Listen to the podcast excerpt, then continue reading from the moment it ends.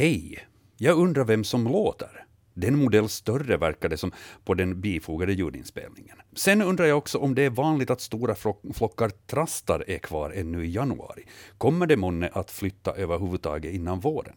Det här undrar Kristin. Vi ska lyssna.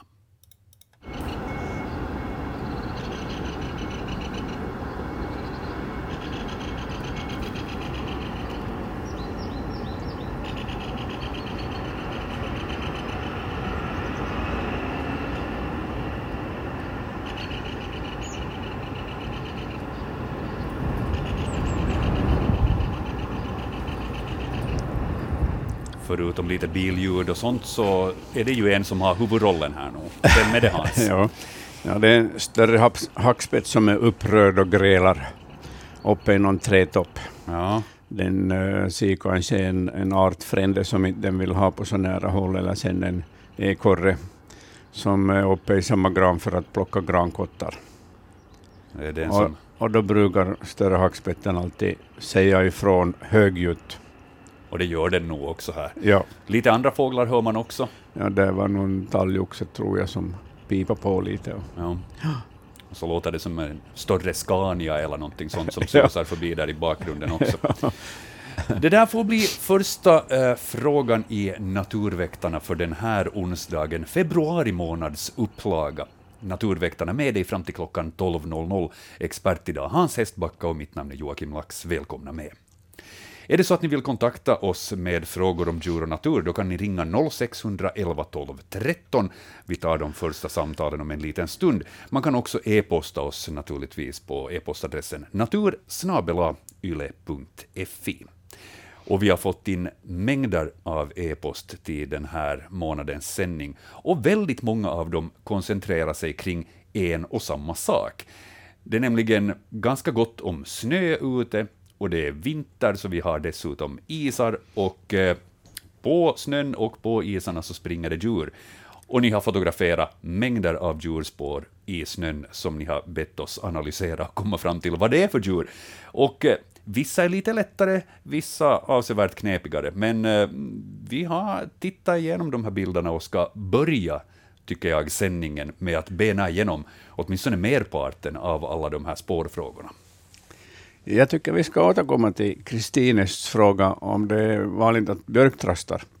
Eh, Den frågan hade vi inte... Nej, precis. Bra, och, uppmärksamt. Om, de stannar kvar hela vintern, och det kommer de att göra. Mm. Uh, nu som bäst när vi har vår sändning här så i, i Vasa så har vi en stor flock med björktrastar och sidensvansar som äter uh, bären från en rönn som har växer mellan två, två höghus mittemot radiohuset och, och uh, den har varit översållad av bär, den här rönnen, så här långt. Nu har de här trastarna och sidensvansarna hittat, hittat den här rönnen och, och plundrat den som bäst på bär. Så att, uh, de hittar otroligt bra de här röda bären.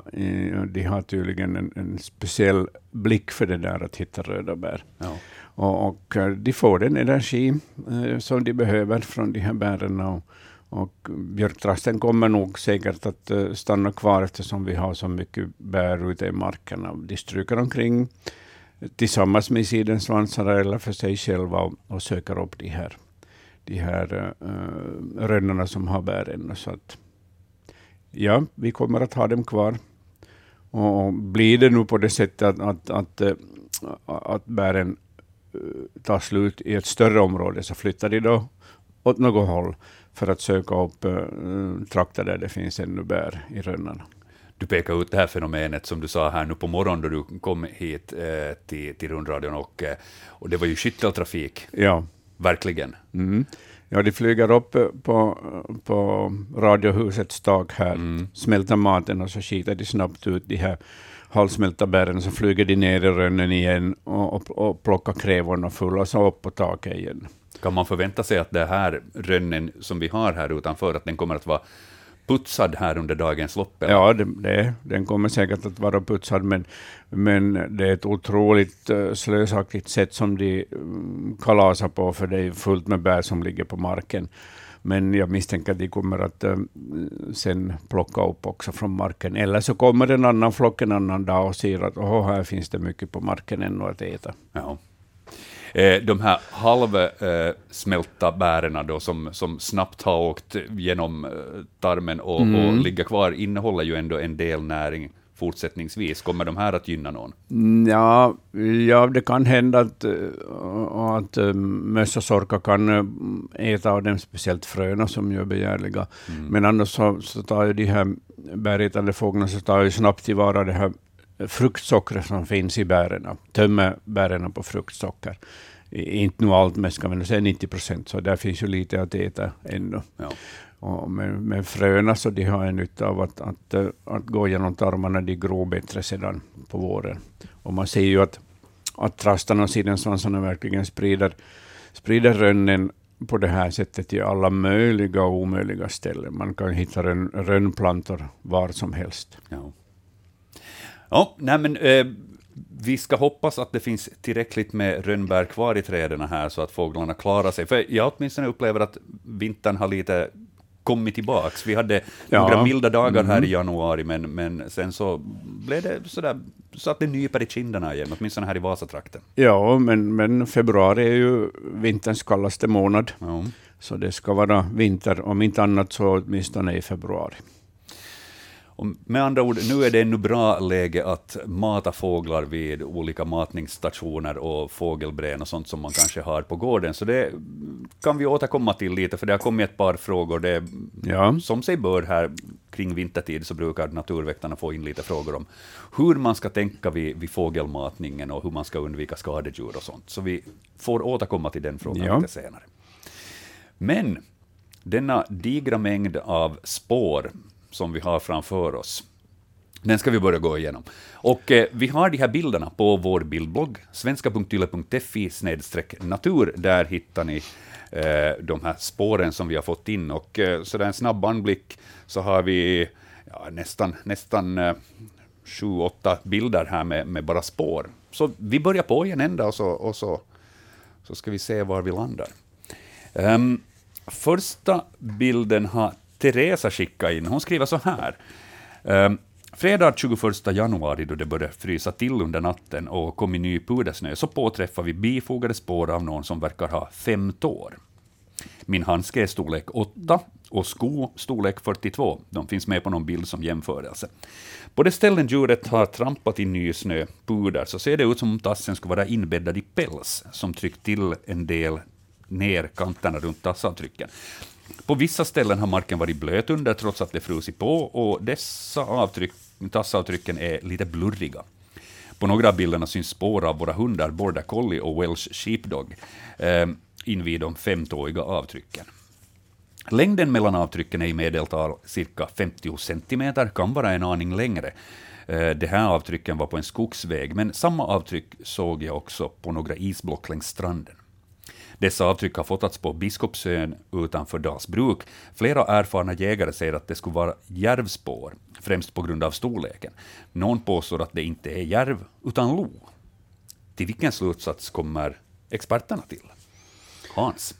Ja, de här är nog eh, runda, eh, som på en katt, ett stort kattdjur. Så mm. nog håller, håller jag på lo-alternativet utan vidare. Uh, dessutom uh, här där den går uh, på den här högra, högraste bilden så, så går den ju med ganska, ja, ganska fredig gång, uh, halv meter mellan, mellan tassavtrycken. Mm. Uh, lon är ju högbent och, och när den sträcker iväg på det här sättet i lugn gång, så då, då blir det minst en halv meter mellan, mellan tassavtrycken. Så att, um, det är nog en lo. En järv har ju, har ju lite annorlunda uh, tassform. Det är mer uh, långsträckt, uh, som ett litet, litet björnspår, ifall någon har sitt björnspår. Uh, och, och, den har då de här klorna som syns ganska tydligt, skulle synas i det här snötäcket. Mm. Och, och sen Eh, lufsar eh, järven nästan hela tiden. Och, och, då blir det sådana där fyrsprångsspår eh, e-, efter järvens tassar. Så att nog är det ett lodjur. Vi, de här, både lo och, och, och varg och rev, så, så de har ju de går ju mot sin brunsttid nu och, och de kommer att röra sig mycket. Man ser redan att de har börjat röra sig mera än, än på midvintern, de här, de här däggdjuren. De får den här brunstoron i sig, speciellt hannarna som strövar vitt och brett omkring för att leta upp honor. Så att vi kommer att, att få mm, livligt med, med spår i markerna nu i februari och mars. Och det är väl nog därför också som vi har fått in så många spårfrågor, som eventuellt också då rör de här djuren som du nämnde här. Så vi, vi ska titta vidare på dem och, ja. och se ifall vi har flera brunstiga hannar som springer omkring.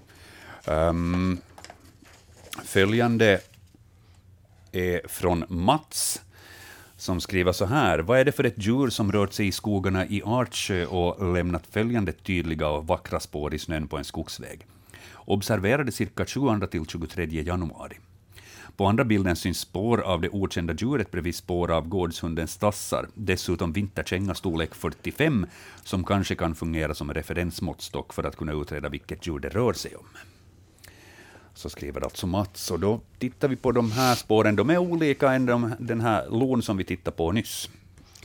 Jo, det här är helt annat. Och här, här har vi de här fyra, fyra tassarna eh, samlade i en grupp. Eh, det är en som har, som har galopperat fram här.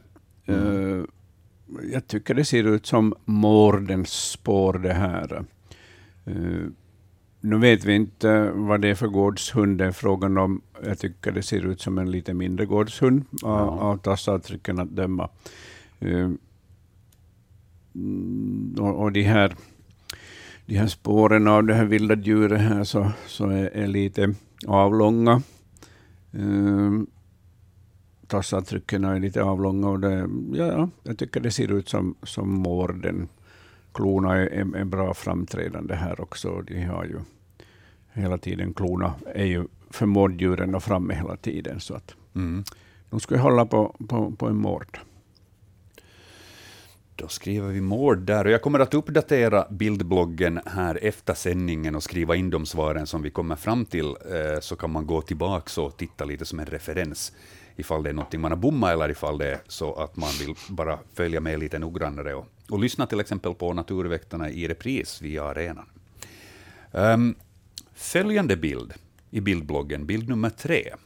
Också spår i snö, den här gången på is. Och den här, den är knepig.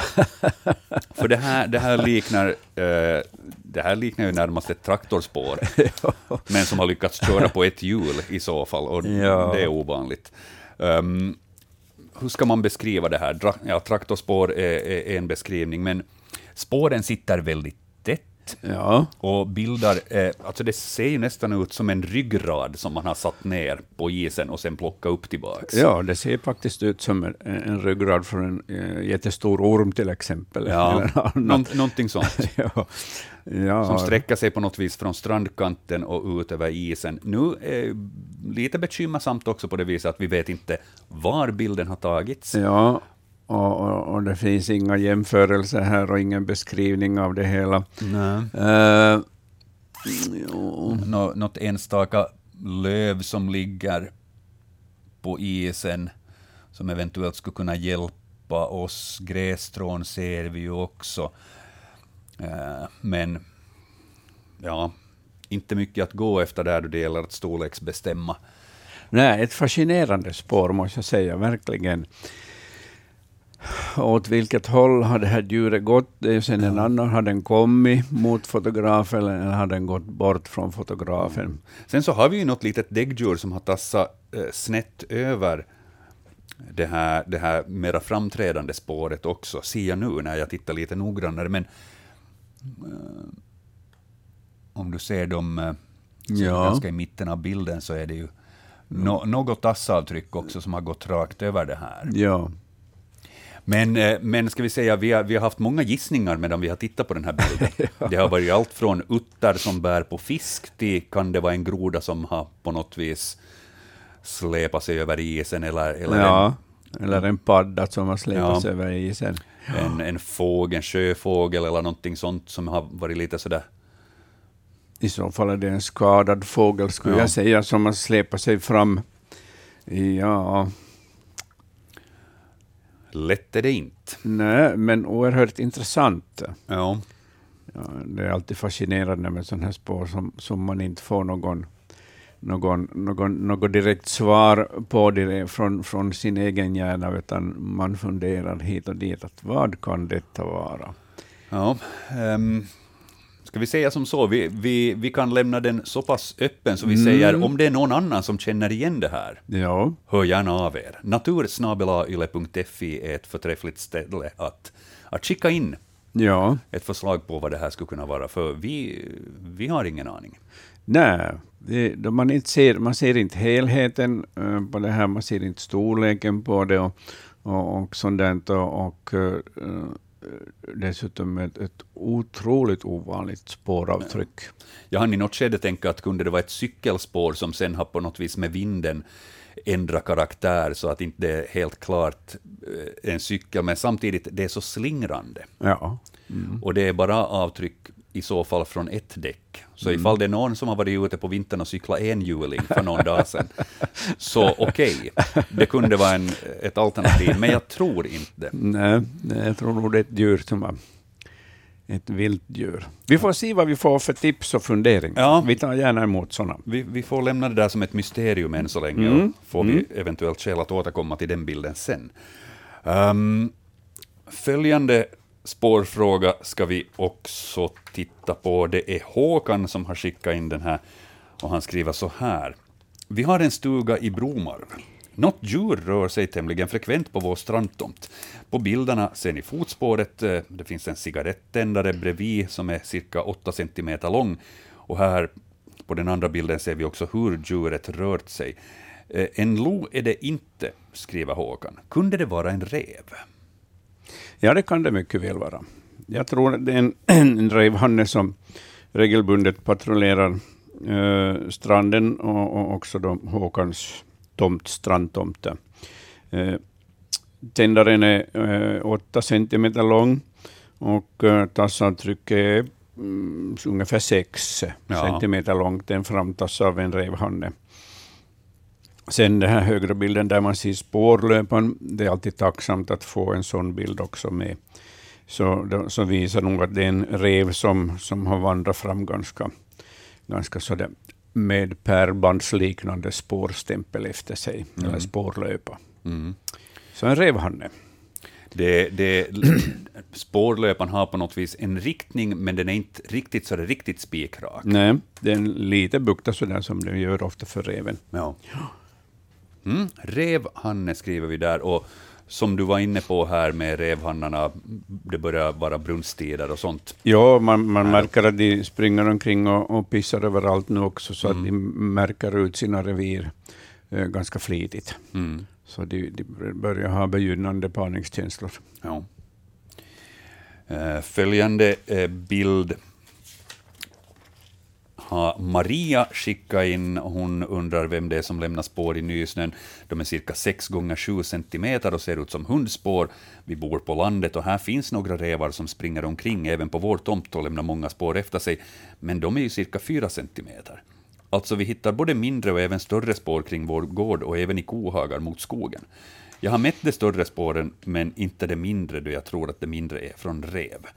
Och så har hon bifogat tre stycken fotografin här, och eh, på två av bilderna så har hon måttbandet med sig också. Och det här liknar ju nog eh, spåret från revhannen som vi tittade på här nyss. Ja, ja, det finns alltså stora revhannar, har ganska stora tassar och, och sen har ju revtigarna de här mindre fyra centimeters tassavtrycken, så jag tror att det är både, både tik och hanne av, av rev som har, har sprungit omkring här. Uh, dels för att söka mat, men dels för också för att söka upp varandra och kolla i, i vilket eh, skede av, av, i vilken början av brunsten som, som man är. Så att, så att eh, nog är det revarna som har eh, varit här på det här området. Mm. Gårdarna fungerar lite som kontaktannons. Ja, och sen kan det vara att, det, att de har sin urgamla vandringsväg just förbi det här stället där människan någon gång har byggt den här gården det är ju ofta på det sättet att de vilda djuren så de har sina stråk genom markerna och eh, fast människan förändrar de här markerna genom vägbyggen och bostad, bostäder och sånt där, så, eller husbyggen, så, så fortsätter de vilda djuren att använda det här samma stråket. Ja, jag känner till ställen där till exempel varg, eh, förrän vi hade varg eh, i den omfattning som vi nu har här i Österbotten, så, så det fanns vissa ställen att om kom det en varg med tio års mellanrum i, i en by, så kom den, kommer den säkert att vandra längs en och samma rutt. Det är ett fascinerande fenomen det här att de här vilda djuren följer vissa, eh, vissa det här karaktärsdrag och linjer i landskapet som vi inte ser, men som tilltalar till exempel en varg eller en, en lo som vandrar genom landskapet. Mm. Typexemplet är ju också de här älgarna som ja. går på sina älgvandringar, som, mm. som helt enligt kalendern mer eller mindre går på samma ställen. Ja. Och, och, och på det viset ganska sådär begränsat antal rutter de har att välja mellan. Ja. Mm. ja. Eh, någonting som vi ju drar nytta av till exempel med den stora älgvandringen, som också kommer att ha då en fjärde säsong i år. Ja, då får man att, följa med det. ja, slutet av april och början av eh, maj månad, så mm. då, då mm. får man följa den stora älgvandringen i Sverige igen. Också på våra kanaler. Um, men Revhanne och eh, revtik för de mindre spåren kan vi konstatera här för Maria. Fler spår har vi här också. Um, jag sa ju att det var många. Ja. Mm, mm. uh, här är det Klara som har skickat in det här. Tre bilder med spår i naturen på en högsåra i Åbolands skärgård. Snöbilderna är tagna vid samma tillfälle. Mm, hon skriver att hennes känga är 26 cm lång och djurets spår går par om par. Mm, och inte som ett pärlband, så som jag har lärt mig att revens spår ser ut, precis som du var inne på här. Kan det vara mårdhund? Går mårdhunden i ide eller drar den fram i vått och torrt vinter och sommar? Sandspåren är ju mindre och lite rundare, inga klor. Eh, det är samma känga där, men vilket djur är på bilden till höger? Det här undrar alltså Klara på Högsåra ska titta på de här bilderna lite närmare nu då. Ja. Och se, mårdhund undrar hon. Ja, den här bilden längst till höger. Ja. Med de här eh, tassavtrycken som påminner om katt. Mm. Tassavtryck, men är större, så är nog mårdens, mårdhundens eh, tassavtryck. Mårdhunden har ju ett, ett tassavtryck som påminner ganska mycket om, en, om, om stora tamkattstassavtrycket. Uh, eh, och det är i farten, det, alltså när det är ordentligt köld, så sover de ju bort mesta tiden. Eh, uh, hanne och hona tillsammans, de har ju sökt sig till, eh, uh, slag ihop sig redan under hösten, så de behöver inte springa omkring som rev och, och lo under parningstiden på våren, utan de har varandra direkt från början. Uh, de kan sova eh, bort de här kalla perioderna i lugn och ro i sin lya och sen under milda dagar så är de ute och vandrar. Och just den här vintern då vädret har växlat från och till så, så har jag nog sett mårdhundsspår under de här under de här milda dagarna och sen när det är kallare som idag, vad har vi en 10-12 minusgrader ja. här, så, så föredrar de då att, att ligga och, och uh, gona sig i sin lya. Vem gör inte det? ja. ja. Mm. Och sen de här två spåren till vänster så eh, är nog från en rev. Eh, det normala när reven vandrar så där i lugn och ro genom landskapet är att det blir det här pärlbandet av, av tassavtryck efter, eh, efter de här tassarna och, och, eh, lite så här böljande vackert pärlband. Eh, men eh, reven kan, kan trava med, med snedställd kropp och då blir det just de här två och två tassar som, som syns på de här två bilderna till vänster. Varför vrider den kroppen på det viset då den, då den travar iväg? Är, det liksom, är bakpartiet snabbare än frampartiet? så att den på det viset hamnar lite på sniskan? Eller? Ja, tydligen så, så är det en, en gångstil som passar som är energisparande och, och, och snabb. Ja. Ja. Ja, det ser lite lustigt ut. Ja, visst ser det det. Så det, ja. man, man, ser det framför sig, hur den skuttar fram. Jag menar, det är bara att titta på vilken hundvalp som helst som inte riktigt ännu har kontroll på sin kropp, så Ja. den kan också komma med sidan före springande. ja. Okej, eh, så då, då får vi notera rev för, för de spåren där, och, och den tredje bilden alltså som Klara hade skickat in, så det är nog mårdhund. Ja. Ytterligare ett spår ska vi titta på. Här är det två olika djur som har varit och rört på sig, eh, och det är Benita från Lappfjärd som har skickat in det här. Hon skriver, vem är det som har sprungit eller hoppat i snön? Vet att det är musen till vänster om tändsticksasken, men den som gör små hjärtan höger om tändsticksasken, vem är det? Och nu innan ni får en hjärna som går fullständigt i lås, så kan jag säga att på bildbloggen så har jag vänt bilden, så här är det inte höger och vänster, utan ovanför tändsticksasken. Där säger hon att det är musen. Men de här mera hjärtformade spåren, de är då alltså under tändsticksasken. Um, särskilt stora spår är det inte. Nej. Men visst bildar de ett eh, hjärtformat mönster, Ja, det de som gör, är under. det gör de. Och det kan nog vara, vara musen eller sorken som har gjort det också när den har galopperat, så att säga. Haft lite mera bråttom. eh, så då kan de ju springa på det här sättet på, med, med, i fyrsprång. Eh, så jag tror inte att det behöver vara två skilda djur. Det kan faktiskt vara ett och samma, en sork eller en, eller en mus. Skogssork eller, eller skogsmus som har rört sig här över snön. Eh, Kan man från de här spåren på något vis se ifall spåren går åt samma håll? Ja, jag tycker att, att det här övre spåret går till vänster och det här undre går till höger. Kan man tänka sig att, att på vägen till vänster så har den varit på jakt efter mat, Mm. Eller bara förflytta sig i lugn och ro och sen har den uh, konstaterat att det var farligt att, eh, att, det här, att förflytta sig till vänster i landskapet. Nu gäller det att eh, snabbt rusa tillbaks till. den har retirerat till höger. Ja, jag skulle säga det. Ja. Ja, då har, Mm. den, då har den lämnat ett hjärtformat spår där då istället. Haft lite mera tryck på något vis. Ja, det, alltså alla ta, fyra tassar är samlade i det här hjärtformade avtrycket. ja.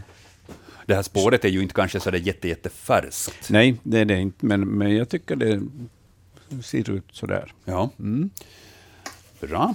Um, ytterligare spårfrågor har vi. Vi går igenom de här nu alla. Ja. Ehm, här är det Martin som har skickat in ett par bilder och ehm, det står här att spåren som syns på bifogade bilderna går från vårt hus ut till buskarna, eller tvärtom. Eh, vad kan det vara för djur? Spåren återkommer på samma ställe med jämna mellanrum. Så med andra ord, man ser de här spåren och så kanske det snöar någon dag och så kommer de här spåren på nytt. Så att det sker någon form av trafik mellan den här busken och, eh, och huset, husväggen, helt klart. Eh, spåren går nästan parallellt med varandra, så att eh, samma djur rör det väl sig nog om. Ja, som- jag som tror nog springer fram och tillbaks. Ja. Ja, den här vackra spårlöpan liknar ganska mycket den spårlöpa som, som Vessla och Hermelin lämnar efter sig i snön när de, när de eh, springer i snön. Mm. Man kan förstås inte utestänga råtta till exempel, Mm. som har sprungit eh, från och till huset. Mm. Hermelin och Vessla har ju precis som, som andra djur sina regelbundna vanor.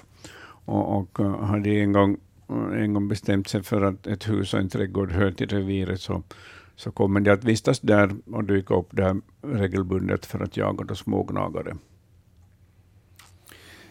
Var håller en hermelin eller vessla till? Kan man tänka sig att den håller till någonstans där under busken? Att det är Ja, den kan ha en skyddad plats? Det är ju en skyddad plats, den är, den är ordentligt nedsnöad den här busken och, och ger ett mycket bra skydd. Eh, sen kan de hålla till också under huset, ifall de kommer in under huset via någon ventilationsöppning eller något annat. Mm. Mm. Och, och sen brukar ju smågnagare hålla sig under husen på, på, på vintern. Ja, jag, jag, jag är faktiskt inte riktigt säker på det här, men jag, jag håller nog en ganska god hacka på, på, på Vessla eller Hermelin och, och sen kan man tänka sig att det tredje alternativet så kunde vara Råtta som har skuttat här genom snön. Och då är det säkert många som föredrar alternativen Hermelin eller Vessla, för det låter trevligare. Jo, visst. Ja, ja. men jag har kanske för lite erfarenhet av, av, av, av råttspår i, i, eller spårlöpan av råtta i, i snön, men, men jag tycker det ser mycket ut som Hermelin eller Vessla, så att det är det första alternativet. Ja. Vi har ju ganska mycket, ganska mycket smågnagare i, i markerna i farten och, och därmed har vi också mm, en hel del uh, vesslor och hermeliner i farten. Så att det, jag har sett på många ställen um, både spårstämplar av, av vessla och hermelin. Hermelin är ju den större Mm. och har lite eh, större spårstämplar och lite längre spr- språng mellan tassavtrycken när den, när den rusar iväg. Så det är, det är just sådana här spår jag sett ganska många av i vinter i, ute i markerna. Ja. Eh, Det ser ju ut att vara relativt djup snö på den här Mm. gården, så den har nog fått hoppa ganska ordentligt. Ja, den har hoppat sådär utan, utan uh, att vara stressad på något sätt, så det är ju sådana korta språng. Ja. Så och, och, och det kan ju just tyda på att, att det kan vara en råtta också som har hoppat i snön på det här sättet. Så jag kan inte tyvärr ge det där helt korrekta svaret, Mm. Eller entydiga svaret. ja, exakt. Men Hermelin eller Vessla och sen en liten parentes på råtta. Mm, mm. Så har vi en spårfråga till. Och sen Ja. har vi tagit oss igenom den högen. Ehm, här är det Mikael i Ingo som har skickat in eh, fyra fotografin. eh, och eh, de tre första så är fotograferade in vid hussockeln i kvällsmörkret. Eh, djuret som har lämnat de här spåren verkar plötsligt ha tvärvänt, så spåren är dubbelriktade. Eh, avtrycken är cirka två centimeter och eh, spåren uppskattar han att vara högst en timme gamla. Eh, den sista bilden, som inte har någon husvägg bredvid sig, eh, den är fotograferad ute på havsisen. Eh, det större avståndet mellan spåren är cirka en halv meter och avtrycken cirka tre centimeter stora. Eh, så då är frågan, rör det här sig om samma djur? Ska vi säga de tre första bilderna, där får man anta att det är samma djur, kan jag tänka mig. Ja, och jag tycker det ser ut som en hermelin som har varit upp till huset Ja. och kontrollerat eh, möjligheten att fånga smågnagare här. Och det här är ju liksom ett Och den annat... har, den har sprungit fram och tillbaka. Ja, det är ett Ja. annorlunda spår än det här då den har hoppat i snö. Ja, här har den bara rört sig så det sakta mak Mm. i små språng, språngsatser. Och då lämnar den sådär fyra, in, inte riktigt som i en kvadrat, men nästan. Mm. Lite som en romb eller någonting sånt. Ja. Ehm, Så det kan eventuellt vara hermelin. Eh, Spåren ute på havsisen, då där större avstånd är cirka en halv meter mellan spåravtrycken och själva avtrycket då tre centimeter. Vad ska vi säga om det? ja, här är det möjligtvis samma djur, fast eh, det sägs att eh, tassavtrycken är större ute på isen. Eh, det passar in, alltså den, de här språng, den här spårlöpan ute på isen, så passar in både på en, en eh, hermelinhanne och en, en mink, minkhona. Så att eh, de kan delvis ha, ha likadana, likadana spår och spårlöpor och tassavtryck. Jag, jag skulle hålla på en hermelinhanne nog som har, de kan ju hoppa verkligen långt eh, när de, när de sätter fart, de här upp till en halv meter mellan språngerna.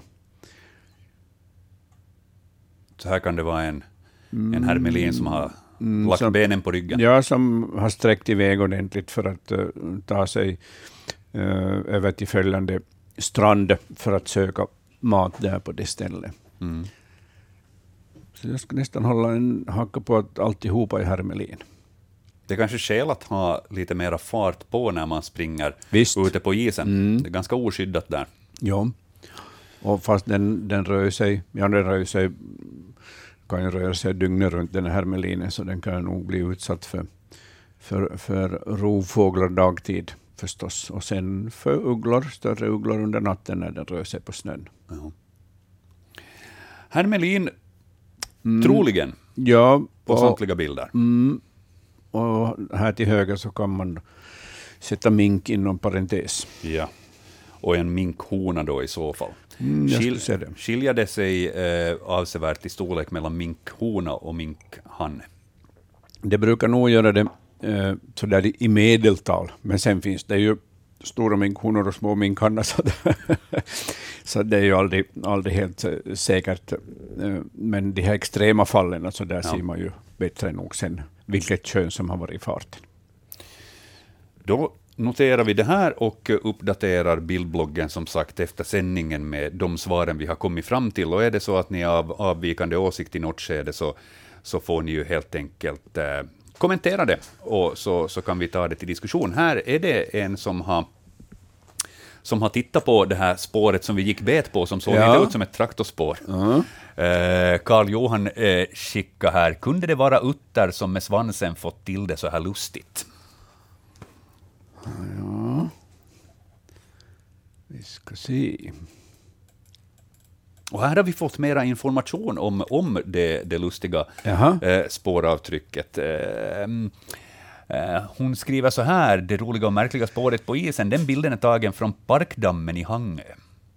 Jag är säker på att det är ett djur. Spåret startar från strandkanten och ingenting annat syns. Okej, då vet vi att det är i Parkdammen Hangö. Mm. Ja. Och ett förslag på att det kunde vara utter.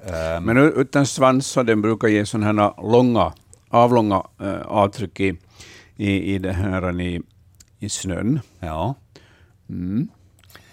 Uh, parkdammen i Hangö, det betyder att uh, möjligtvis så, så, kan det vara en hund också som har varit i farten här, en liten hund. Mm. Det är tänkbart. Ja. Det kommer fler förslag, ja. Eh, men med tanke på parkdammen i, i Hangö så, så tror jag att, att vi har ett eh, förslag här som, som, som är lite klurigt, men jag tror inte att det stämmer. äh, nämligen, det liknar lite mot ett motsvarande spår som jag såg efter en sel som har satt sig fram på isen vid vår stuga.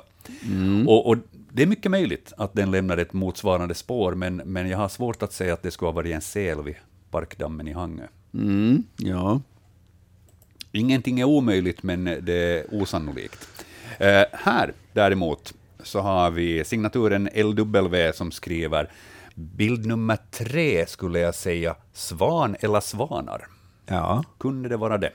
En svan som har lite sådär mm, sakta masat sig fram. Gått över där. Mm, I så fall har den kommit mot fotografen. Ja. Och då tänker vi parkdamm. Mm. Kunde eventuellt. Kunde eventuellt vara det. I så fall är det två som har gått här, för eftersom mm, de spår efter svanfötter som jag sitter i snön, så där ser man tydligt att, uh, det är åtskilt från, ja. från varandra. Så om det, om det är ett par svanar som har, som har gått i samma spår? Ja. Lite. Mm, ja, okej. Okay. Det är olöst ännu, men många trevliga förslag. Svan, säl, utter som har hoppat. Många bra förslag. Men nu som sagt, nu vet vi, Parkdammen Hangö. Mm. Ja, vi noterar det här och eh, ser vad vi riktigt uppdaterar med för svar sen i slutet av sändningen. Ni får gärna fortsätta skicka in förslag på natursnabelayle.fi. Och är det så att ni har några frågor ni vill ställa per telefon, så nu går det bra att ringa också 0600 11 12 13, nu när vi har tagit oss igenom de spåren som folk har skickat in här. Det har varit mycket spår ute i snön. Och kommer förmodligen också att vara det, för den här snön verkar nu inte försvinna, åtminstone här i trakten. Jo, nej. När som helst. Det ska vara ordentligt med snö ännu denna månad. Spårsnö är ju bra på det viset också för folk som gör till exempel eh, olika viltkarteringar och sånt här. Det finns ju mycket på det viset man kan utläsa i naturen från alla de här spåren så länge man känner igen spåren. Ja, mm, och, och, man kan ju lära sig. Ja. fast man inte känner till alla så får man ju gå ut i naturen och, och, och fundera och eh, gärna med någon som kan och förstås, eh, eller någon kompis som är lika intresserad. Och så kommer man småningom underfund med vad det är för ljud. Mm. Eh, när man ser en sån här enstaka spårlöpare eller enstaka spårstämplar, tassavtryck, så, så, som är då utskuren ur, ur, ur landskapet just för stunden, så, så är det inte alltid klart vad det är. Men sen när man följer ett sådant här spår mer och ser hur djuret har rört sig och sånt där, så då, då klarnar bilden bättre. Ja. Och där är också lite tips eh, för er alla som eh, fotograferar spår och skickar in det hit till Naturväktarna.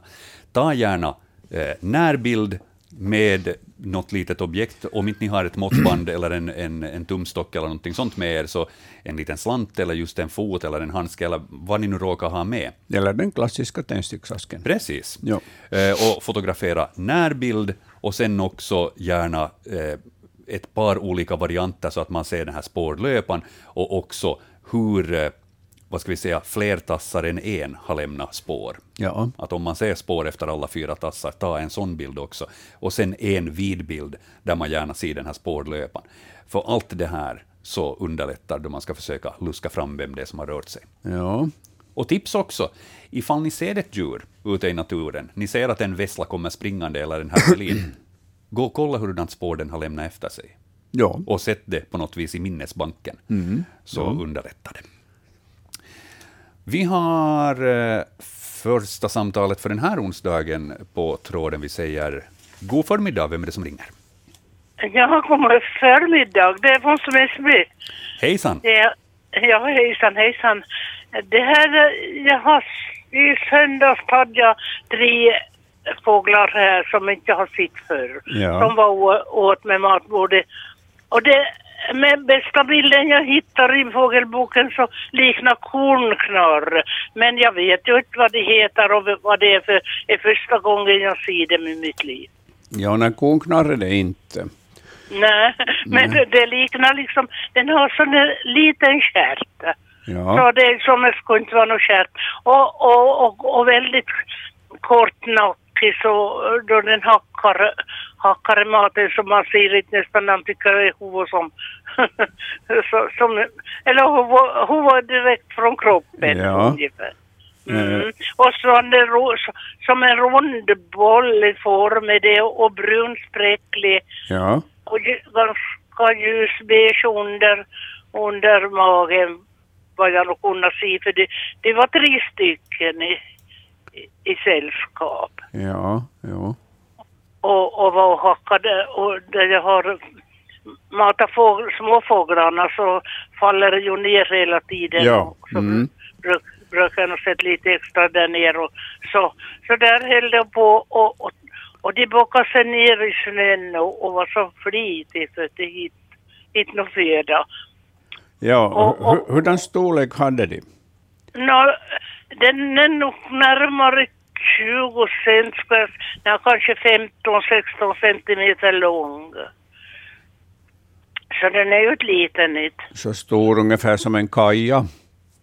Ja, ja, det här är- och, och jag, ja, jag har svårt att säga precis men för, för det, det var ju ändå fem meter från mig och jag var ju här inne Ja. och så i fönstret. Mm. För, för, och så var det på eftermiddagen närmare mm, då började skym. Men då blev det stöd och, och en som kört bort snö här med rittanhök och så, så, så slamra och, och lyst. Och då får det. Men jag tror att de, de har nog bo här under någon gammal rishop som är bakom. Mm. Det är ju inte på min, min tomt, det är utanför för jag äger ju bara fem meter bakom huset. Ja. Och, Ja. och det här och, och dit- kröp de nog in. Ja. Ja. Men en, en flög bort, men för det mesta så, så, så gick de bara Ja. i snön. Mm. Inte så Ja, de, hon- inte så de, de hade något, något sånt där mör, mörkt mönster på bröstet.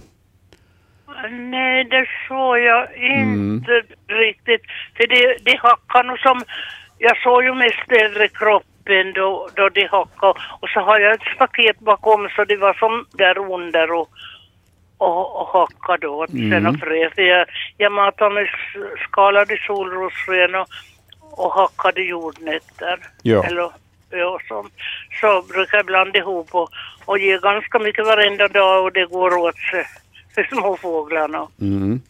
Och skatan är på besök ibland och, och, och hackspette och, och någon ekorre och ett som annat som kommer. Ja, Men det här har jag inte sett något förr. ja, no, kroppsformen och beteende så, så, Ja, så säger jag ju att det skulle kunna vara rapphöns. jaha, jaha. Ja, det, det kunde ju vara omöjligt. Det känner inte så bra till hur, vad fågelnamn är. Jag har en, en um, nya fågelboken här som är, tror jag, är från Sverige eller varifrån hon Mm. är. Men, eh, men där är mycket fåglar. Men det är bara två fåglar som, som liknar Mm. i, i, i utseende. Alla har ju en längre stjärt. Det här har så, om mest så det brun Ja, det. ja alltså rap, rapphö, Ja. rapphönan har just den här, den här rund, ru- runda kroppsformen, just ingen stjärt och just ingen hals. Och de pi, Ja, pi, pickar mycket på marken och sen vandrar de mycket och, och sen sover de på marken också i skydd av växtlighet under nätterna. Ja. Hur Brukar, Ja, de men böka, det- brukar de böka in i snön också? Lite? Ja, ja. mm. Ja, no, men det skulle jag... Och igår var bara en som jag såg, det kanske hade gått bort i det andra då. Men, men det här, jag såg bara en som, som låg i snön längs, jag trodde hon hade fått något fel. Ja, ja. Men, Ja, men det- så hon... De, de, Bortkrok. de värmer sig i snön helt enkelt. Ja, just det. just Så. Ja. No, det kan vara, det kan vara det att... äh, vad sa du den skulle heta? Rapp, Rapp, rapphöns? rapphöna. Ja, rapphöna. Ja, det kunde vara möjligt. Men den kan inte ha varit här förut och jag har ju bott här över 60 år. Ja, men det finns nog rapphönor i Smäsby. Uh, in, Ja, gör det det? ja, in, inte så stort antal, men det finns här och där och man kan se dem ibland. Så, att, Ja, eh, ja, ja. Mm. så det, är Ja, nog, det kan- det är nog den mest troliga fågeln. Ja, just det. Men det var roligt att höra. Sen måste vill ju veta vad fåglar man har. Ja, och ska mm. kalla dem till. Ja. Jag är så intresserad av att mata den varenda dag. Ja. Så jag sköter om den bra. Och det är här och, och sjunger för mig. Ja, ja, det är trevligt. Mm. Det är bara ja, att, det är trevligt. bara att ja. fortsätta observera där nu och, och, och, Ja. och titta ifall de dyker upp igen och, och så får du Ja, bekräftat ifall ja. det är rapphöna. Men det, det låter Ja. ju nog så. Ja, no, men det var bra att, att få veta. Ja, Bra. jag tackar så mycket. Tack för samtalet, ha en bra dag. Tack, tack. Tack, ja, hej. tack detsamma. Hej då. Hej. Hej då. Rapphöna har vi ju haft eh, bilder på också i förra månadens sändning har jag för Ja. mig att det var tal om rapphöna också och sånt. Så att, eh, låter ju troligt Ja. att det var det. ja, just det här beteendet och kroppsformen och hur de äter på marken och sånt där. Så att, Jag tycker de, de bilder som har kommit in till Naturväktarna tidigare med rapphönor, så då har de varit eh, klart fler till antalet. Vi har talat om ett tiotal nästan. Ja. Eh, men rör de sig också i sådana här lite mindre populationer? Ja, alltså det har varit tre fåglar och eh, förmodligen eh, då ett par med en av sommarens ungar som de har kvar. De brukar eh, vistas tillsammans under vintern, de här familjerna. Och då finns det en del rapphöns som, rapphönspar som förlorar alla eller nästan alla ungar under sommaren och hösten innan vintern börjar. Så att eh, ibland ser man också sådana här små sällskap av rapphöns. Rapphöna, det lät Ja. det som och det, det slår vi fast att det högst troligen var också. Ja. Med den beskrivningen. Um, över till uh, någonting avsevärt mindre, och, eh, men också flygande. Eh, det är Lars som har skickat in eh, följande bild som man också hittar i bildbloggen. Ehm, då kommer vi fram till bild nummer, eh, vi ska se här, bild nummer 10 av de 20 som vi har satt in här innan sändningen. Lars skriver så här. Hej, jag undrar vad det är för insekt som ibland flyger omkring hemma hos oss. Också nu i januari. Den är cirka 15 millimeter lång och flyger väldigt ostadigt och hoppigt. Då man tar den av daga blir det ett grått märke kvar som bör avlägsnas med våt trasa ganska omedelbart. Annars sitter märket kvar. Kanske finns det en koppling till då vi tar in ved till spisen och kakelugnen. Jag vet inte, men insekten kan oftast iakttagas någon timme till ett dygn efter att vi fyllt på med mer ved. Sätta med några fotografier. Vad månne är det för en oinbjuden gäst vi har, undrar Lars. Uh vi har tittat på de här bilderna och eh, för att eh, på det viset få lite flankstöd så kontaktar vi eh, en annan av våra experter, Anders Albrecht. Och, han kunde ganska snabbt konstatera indiskt mjölmått. Ja, det var ett korrekt och bra svar. Och jag kan säga att jag vet inte mera om indiskt mjölmått, men mått överlag, är det någonting vi kan säga om dem? Ja, det finns ju en massa av de här måttfjärilarna. Eh, en del kommer faktiskt in med veden eh, från vedlidre, eh, som det övervintrande som har krupit in bland veden, men indiskt mjölmått, det låter som det skulle vara en en som har kommit med spannmål till, till oss. Jag känner inte till den, dens livscykel. Klarar den sig överhuvudtaget utomhus vintertid? Mm. Eller är det här en som finns då bara inomhus och som, som vaknar emellanåt och, och flyger omkring i rummet? Och den kanske vaknar till speciellt när, när spisen är igång och därför kanske man gör mm. kopplingen mm. till det här med att man just har tagit in ved. Ja, men annars får man nog uh, just måttfjärilar eh, in i huset med ved ganska ofta. Därför att vedlider är ju en, en otroligt skyddad och bra plats för små fjärilar att övervintra på. Och, och de kryper in då bland vedklabbarna och uh, sen när de kommer in med veden så väcks de av värmen och så flyger de omkring. Så det är ganska vanligt att man får in uh, måttfjärilar med veden. Mm. Men jag känner inte till den här levnadsvanan, så jag kan inte säga om den har kommit utifrån vedrid eller om den helt enkelt lever inomhus. Jag skulle, med tanke på namnet så skulle jag hålla en hacka på att den lever bara inomhus. Det som Lars skriver här, då man tar den av dagar så lämnar det kvar ett grått märke som måste avlägsnas ganska fort med våt tras. Alltså det, det, det är lite sådär pulvriga va? Det är sådär pulvriga och det är de här, de här fina, fina små fjällen som de har på på sina vingar och som lossnar förstås eh, när man eh, klobbar dem. Mm. Och, och, då får man putsa bort det här, det här dammet av, av småfjäll som har lossnat från vingarna. Ja. Indiskt mjölmått säger Anders att det är, och vi har ingen orsak överhuvudtaget att betvivla det, så det är vad vi kommer att notera också i bildbloggen. Uh, småningom är det dags för nyheter på den här kanalen, men vi hinner nog med en fråga till. Vi håller oss kvar vid uh, mindre krabater. Uh, Harriet i Mariehamn skriver så här. Den här krabaten fanns plötsligt på väggen i hallen, nära hatthyllan. Den ser inte ut som de pälsängrar jag träffade i Helsingfors på 70-talet och har inte tidigare sett den här sorten. Vad det än är under de drygt 20 år vi har bott i huset här, ett drygt 40 år gammalt egnahemshus. Bananflugor dyker upp på sensommaren, hösten, spindlar gömmer sig i mörka vrår och ibland kommer det in myror. Men den här är ny. Är det någonting som borde städas bort? Min mormor berättade för kanske, kanske 70 år sedan att spindlar får man inte ta livet av, då dödar man sin far. Nu är han död sedan 20 år, men spindlarna får leva, även om jag försöker göra det lite otrivsamt för dem. Så alltså Harriet i Mariehamn. Och så har hon skickat in en bild på en eh, liten, i mina ögon, skrott som är fotograferad i någon form av porslinsskål och så har vi ett måttband bredvid också. Eh, bilden är lite, lite suddig. Eh, fokus verkar ligga på kanten av den här porslinsskålen, men man kan nog ändå urskilja hur den här lilla krabaten ser ut och att den har två ganska långa spröten där också, och särskilt stor är den inte. Längden är kanske ja, halv centimeter knappt. Uh, det här var också en bild som vi skickade åt Anders. Han konstaterar gråsugga, arten går inte att uh, desto mera bestämma. Ja. Har du någonting här att tillägga, Hans? Ja, no, vi brukar ju ha uh, i, alltså i, i hus där det finns lite fuktighet i källare och sånt där, eller eh, speciellt i källaren, så där brukar gråsuggorna trivas. Så det finns många hus som har gråsuggor som eh, inbyggare. Eh, de visar sig inte ofta, men ibland kan de dyka upp på sådana här ställen också.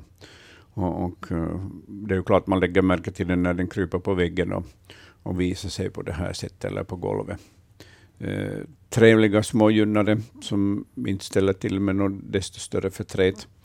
Eh, man kan ju studera dem och, och trivas med dem, men de trivs ju inte i, i, i våra torra och varma utrymmen, utan, utan de vill helst ha då fuktigt. Och, och det är ingenting att bry sig om. Vill man inte ha dem inomhus så kommer man ju sopa upp dem och, och, och föra dem ut i komposten eller vedlid eller något sånt där. Mm. Spindlarna nämner hon här, ingen orsak att ta livet av spindlar överhuvudtaget. De, de hjälper ju ofta till att ta bort andra småkryp. Ja, ja spindlarna, de husspindlar som vi har inomhus, så de, de är ju anpassade till det här uh, torra klimatet vi har och som uh, också fångar uh, en massa småkryp inomhus. Det, lyckligtvis är ju många, många det här en hem, ännu levande hem där det finns småkryp. Ja. Och lyckligtvis också eh, alla som ens har en liten släng av arachnofobi, så kan ju trösta sig med att här i Finland så har vi ju ändå väldigt, väldigt få spindlar som man ens behöver lite akta sig för. Så är det, ja. Mm. Vi har det ganska bra ställt på det viset, inga funnel web spiders som gömmer sig i stövlarna när man ska ut eller någonting sånt.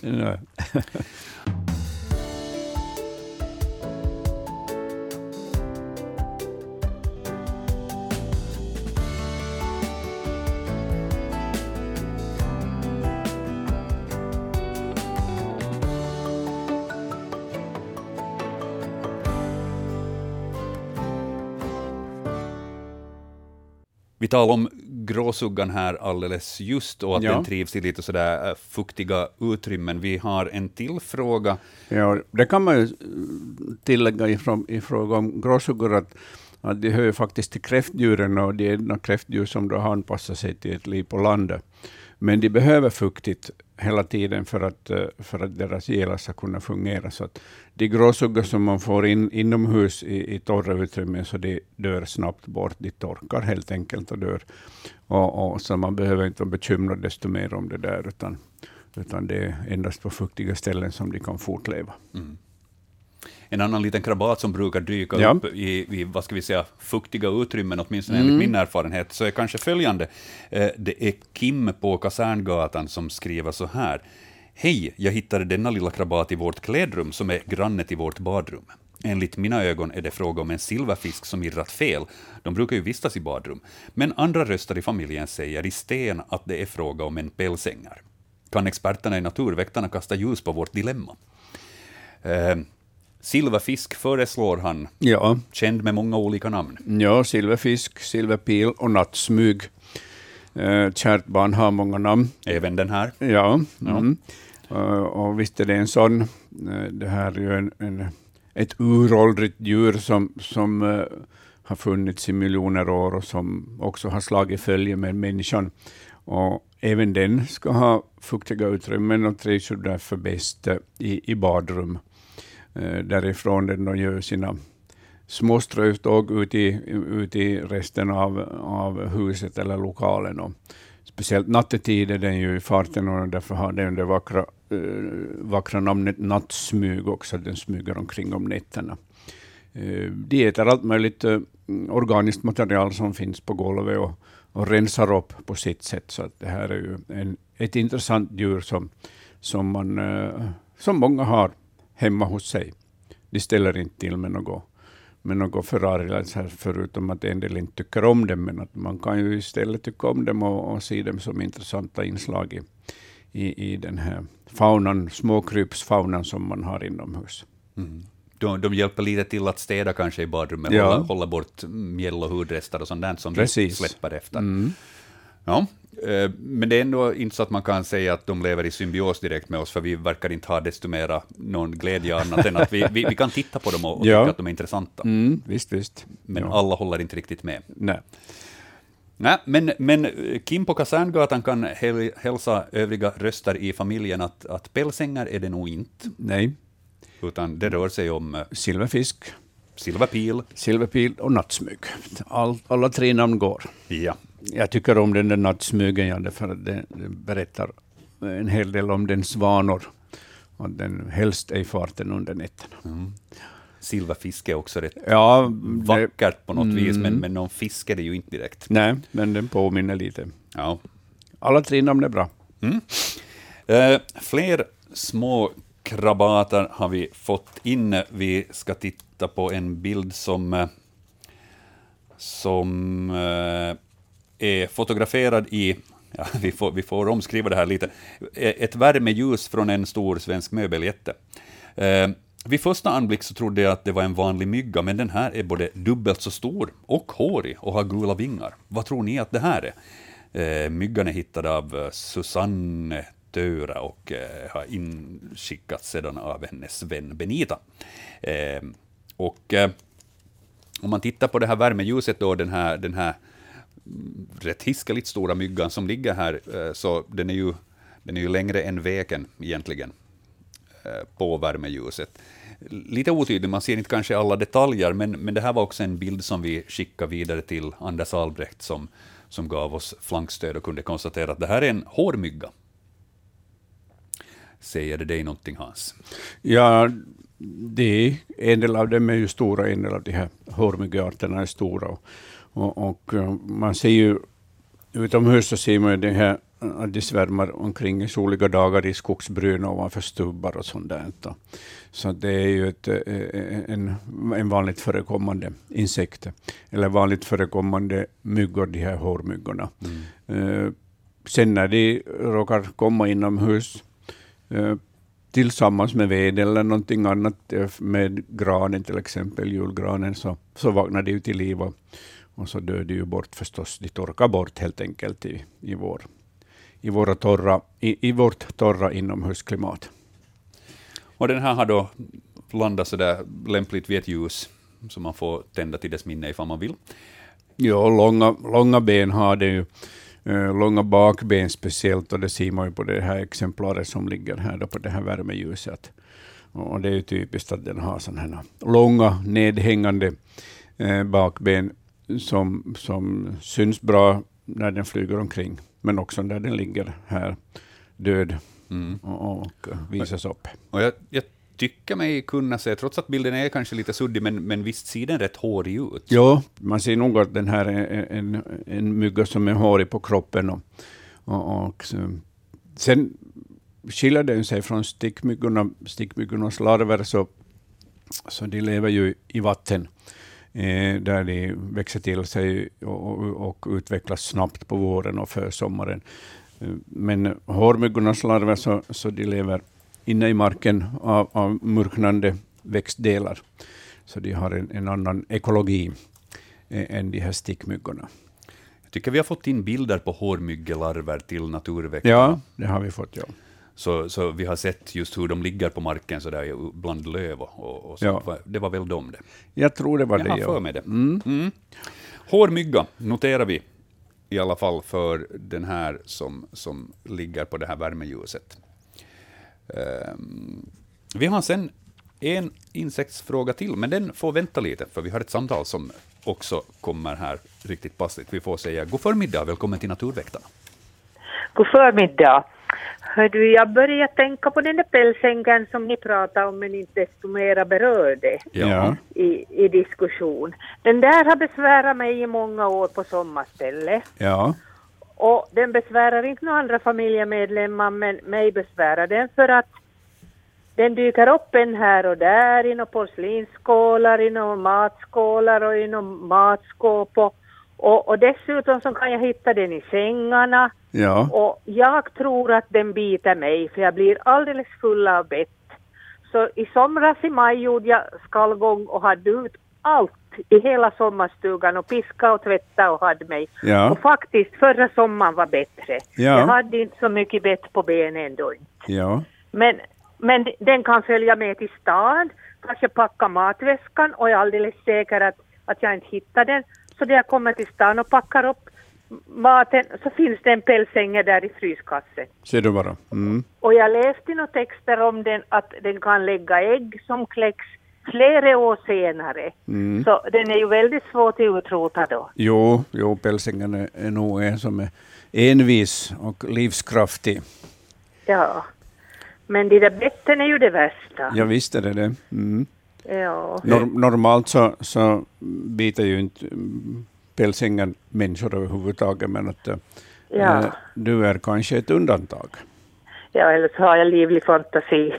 Ja, men är, är, är, det någon, är det någon annan i familjen som har, har upplevt sådana här bett? Nej, ingen annan har upplevt något bett inte. Nej, att det är nog bara jag som, som får de där betten.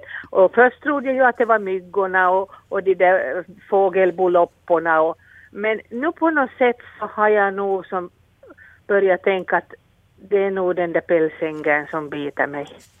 Ja, men Och då det kommer på natten, ja, natten under täcket. ja. Det, fin- Ja. det, finns ju, det, alltså, det finns ju många lopparter ute i naturen som, eh, som det här som du kanske har fått på dig när du vandrar uh, utomhus i, i sommarnaturen och, och de är då sen aktiva på natten och biter dig. Eh, Ja. Jag skulle nog tro, tro att det är fråga om någon, någon loppa utifrån som, som äls, Ja. älskar dig och som eh, passar på att hoppa på dig när du är ute och vandrar, Ja. så äter de på Ja. dig på natten sen. Ja. Många har ju påstått att ni har vägglöss, men, men ser du när jag kommer till stan, så då, de kan nog bita mig här i stan om de följer med. Ja, ja. Så, så jag tror nog inte det handlar om något nå sånt inte för att... Nej, då skulle ju alla familjemedlemmar ha Ja, ja, på sig. ja, nej, ja. nej. Ja, och det har Eh, pågått i många år så. Ja, och, och just de, här, de här lopporna då, alltså det finns ju sorkar och möss som har loppor och, harar har loppor och sånt där, så att de kan, Ja, eh, de kan, man kan få utomhus de här lopporna på sig och, och de lever högst en vecka på, på människoblod, sen dör de bort, så att därför försvinner de sen när du är i stan. ja, de här betterna. ja, ja. Brukar du röra dig på några ställen där, där inte övriga familjemedlemmar desto mera kanske vistas? Att har du liksom några egna sådana strövtåg som du gör? Nej, Nej. nej, inte skulle jag säga det inte. Nej. Nej, men du har bara en doft som de här lopporna gillar speciellt mycket. Ja, ja. Ja, ja, så du tror inte det är pälsängen som jag tror? Mm, nej, nej, det skulle nog vara unikt att de skulle bita dig. De, de äter ju organiskt material, de här pälsängrarna, mjö, Ja. mjöl och, och sen lever de ju i fågelbon där de äter um, fjäderrester och sånt där, så att eh, det är nog långsökt att de skulle bita dig. Ja. Ja. Ja, ja. No, men jag tänkte jag skulle ringa upp på Mm. Ja. Ja. Tack Mm. ska du ha. Ja. Tack för kommentarerna och frågorna. Ha en bra dag. Tack, tack. Tack, hej då. Hej. Ja, ja. Vi- Vissa drabbas ju mer av myggor än andra, vissa drabbas mer av loppbett än andra. Ja. Och det här Ja. handlar väl kanske dels också på eh, hur man reagerar på de där betterna. Det kan ju hända att, Mm. att, man, att övriga familjemedlemmar också blir bitna, men inte på det viset får samma reaktion. Ja, ja. Eh, Men, men en del människor har en, en, en speciell doft som attraherar loppor överlag. Ja. Så det kan nog, och jag, jag, jag tycker det ligger nog närmast till det, för att eh, det hör inte alls till pälsingens eh, vanor att, eh, att bita människor, men, men de äter dött organiskt material, det gör de. Ja. Ja. Ja, men okej, vi, vi får, vi får uh, helt enkelt vänta på uppdateringar eventuellt om det kommer. Ja, ja. och, och, det att de finns i sommarstugan så, så det är ganska vanligt därför att de finns ju utomhus och, och, och flyger omkring de här skalbaggarna så att, så och man har ju fönster och dörrar öppna. Ja. Och sen kan man ju ha någon fågelbo i någon husknut och därifrån kommer det ju pälsängrar också. Så att, för de lever ju på det här döda bomaterialet. Exakt. Och städar upp helt enkelt. Ja, det gör de. Ja, okej. Ehm, fler små krabater och insekter har vi fått in bilder på också. Vi har en till här vi ska titta på i bildbloggen, som ni hittar på svenska.yle.fi natur. Bild nummer 14 har Marco skickat in och eh, skriver så här. Hej, kan ni berätta vad det här är för en insekt? Bilderna är tagna i nordöstra delen av landet eh, i slutet av eh, juni. Barren ger en viss indikation om storleken. Och eh, ja, här har vi en här har vi en, en eh, flygande insekt eh, som har landat på ska vi nu säga, en grusgång eller bland sand och småsten, och så har vi lite talbar som ligger hipp som happ, som de ofta gör i naturen, och sen så har vi en, den här bevingade lilla gästen som är på besök här. Um, vid snabb anblick så skulle jag kanske säga att ser ut som en humla eller ett bi eller någonting Ja. sånt. Mm. Uh, den verkar vara lite, lite nästan orange sådär på bakkroppen, lite Ja. sådär ljusröd, orangeaktig. Mm, och lu- luden överlag. Ja.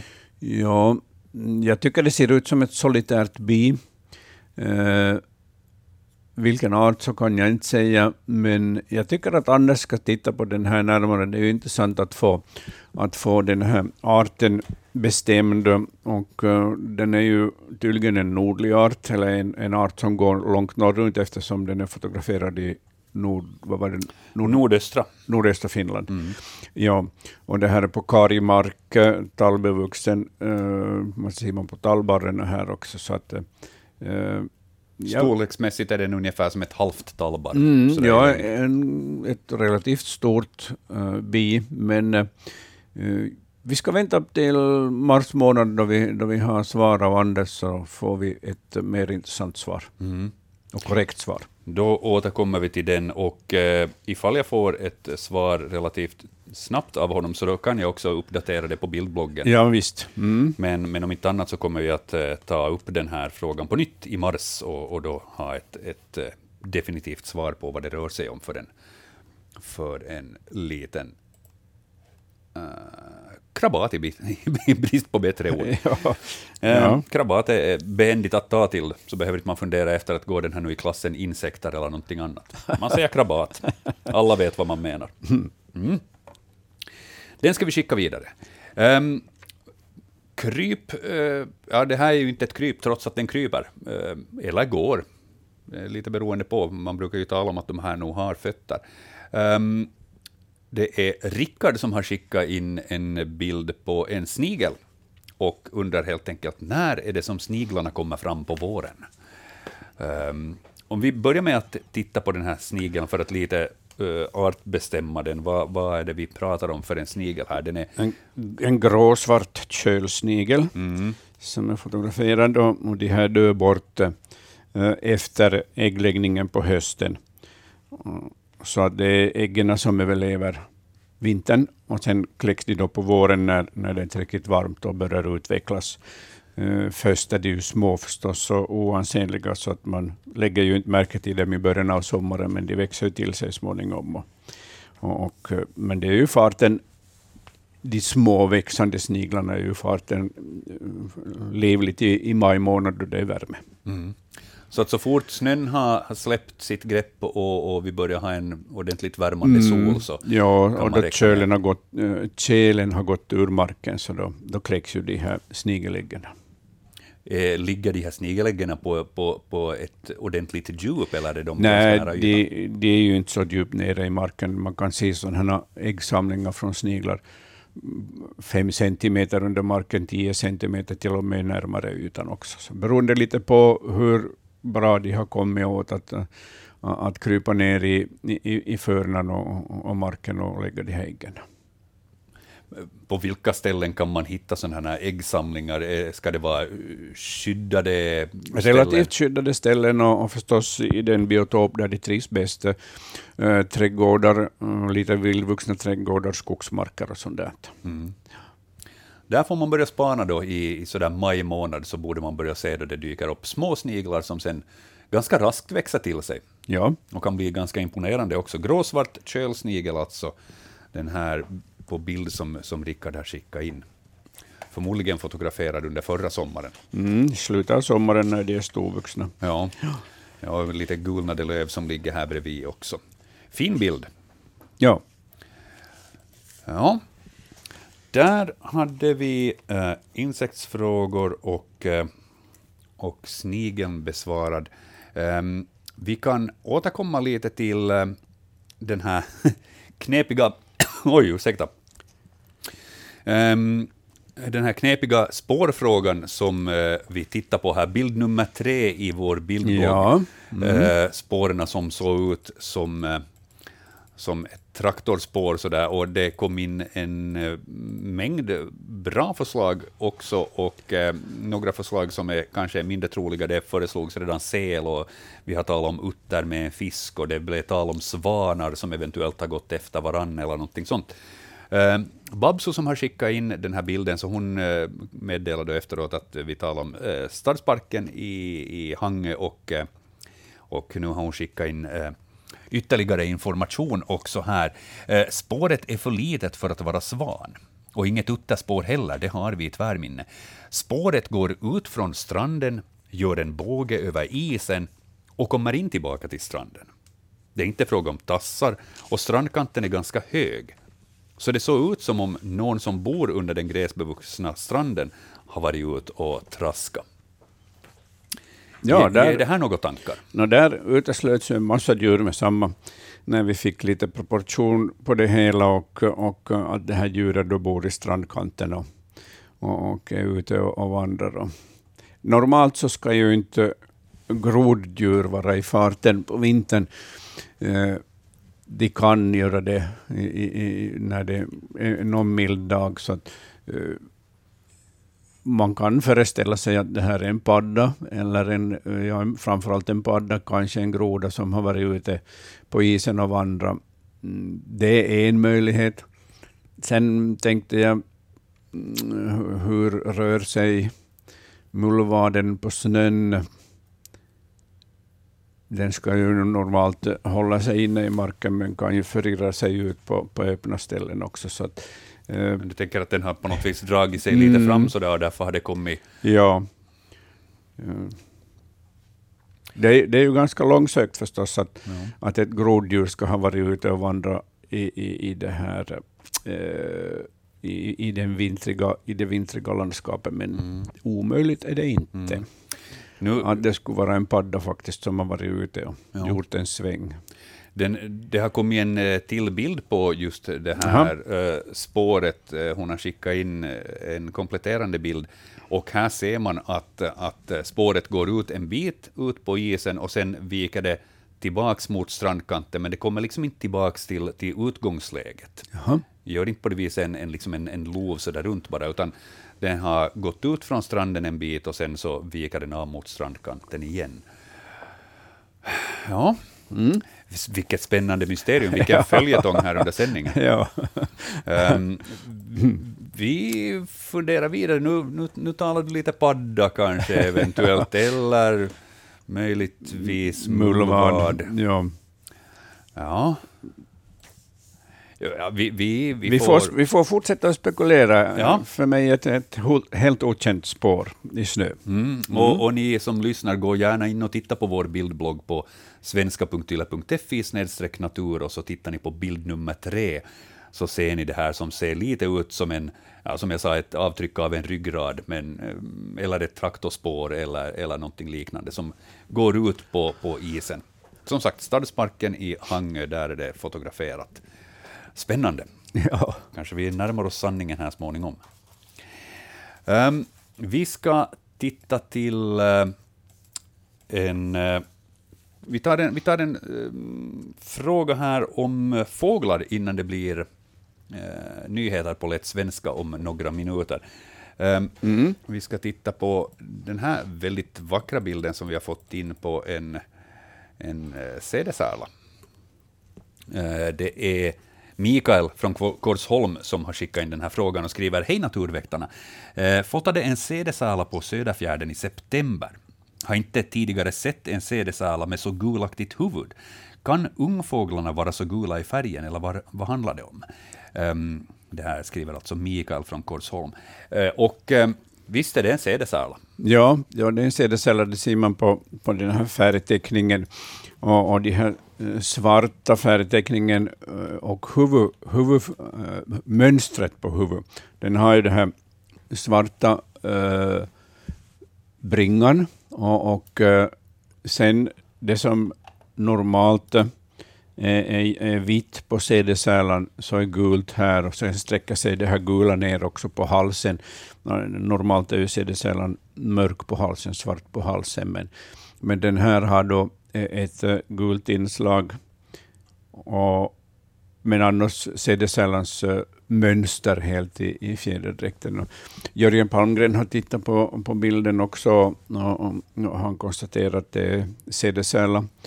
Eh, och det finns då en variation bland sädesärlorna eh, som kan komma ut i uttryck på det här sättet, att en del individer kan ha, kan ha gulfärgat ansikte och gulfärgad haka.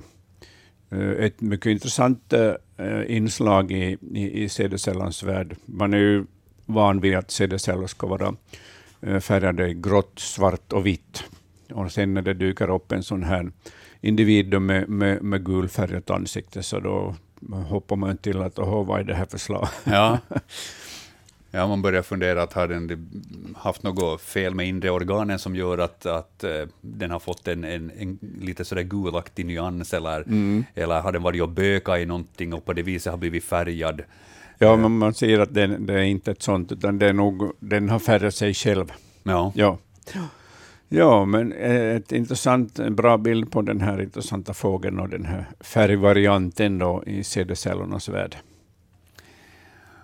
Mm, det, det, är roligt att det förekommer färgvarianter, det är inget fel i det. Hur är det om, om de har sådana här färgvarianter, är det här sånt som då sprids lokalt i liksom den här den här populationen? Eller kan det förekomma sådana färgvarianter i en så att säga normalt färgad sädesärlepopulation? Uh, ja, om man, om man ser på, på en större population av sädesärlor så kan det förekomma det här. Jag misstänker att det här är då ett anlag, eh, färgen, eh, färganlaget för det här då är, är, är icke-dominant, så därför så kommer det så sällan till uttryck. Eh, men att det finns genetiskt eh, den möjligheten hos sädesärlarna att de kan få ett gulaktigt ansikte istället för ett vitt ansikte. Så att eh, det är ovanligt, men det förekommer och, och jag håller nog för att det, det är då helt enkelt för att det är icke-dominant anlag som mera sällan har möjlighet att komma till uttryck. Mm. Vacker bild också för övrigt ja. på den här CD-salen, inte bara för att den är intressant och har en, en, en färgvariation, utan lyckat fotografi också, så att tack Mikael för det. Ja, våra CD-salar så de har ju goda dagar som bäst längs med Nilens stränder, så att ja. de har det varmt och skönt och mycket flugor att jaga längs med stränderna. Där trivs de bra. Ja. Men småningom kommer de tillbaks. Ja, ja. Men vi har ju inte vår ännu. Jag, jag hörde ordet vår nämnas i radion tre gånger igår, men att... Ja, lite tidigt. ja.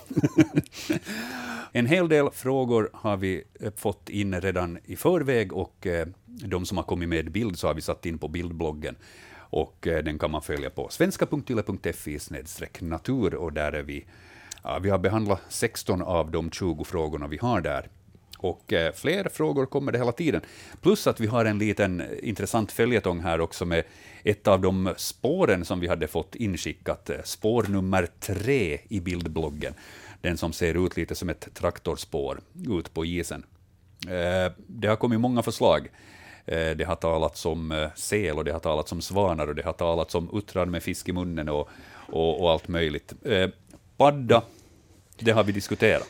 Ja, hon som har fotograferat så har gett oss mera uppgifter och, ja. om det här och det har ju uteslutit många olika alternativ. Och, och det mest troliga är nog en padda som har varit ute och, och, och gått trögt i, i, i vinterdagen och, och, och uh, sen försökt återvända till stranden. Ja. De kan ju röra sig också i, i vintrigt landskap, sådana här groddjur, fast det går långsamt. Och, och mm, är det lite minusgrader så släpar det sig nästan fram på, på isen. Så att. Och då passar det här in också på Stadsparken Hangö, ja. där mm. det är fotograferat. Och eh, paddteorin så får också flankstöd här från, från många av våra lyssnare.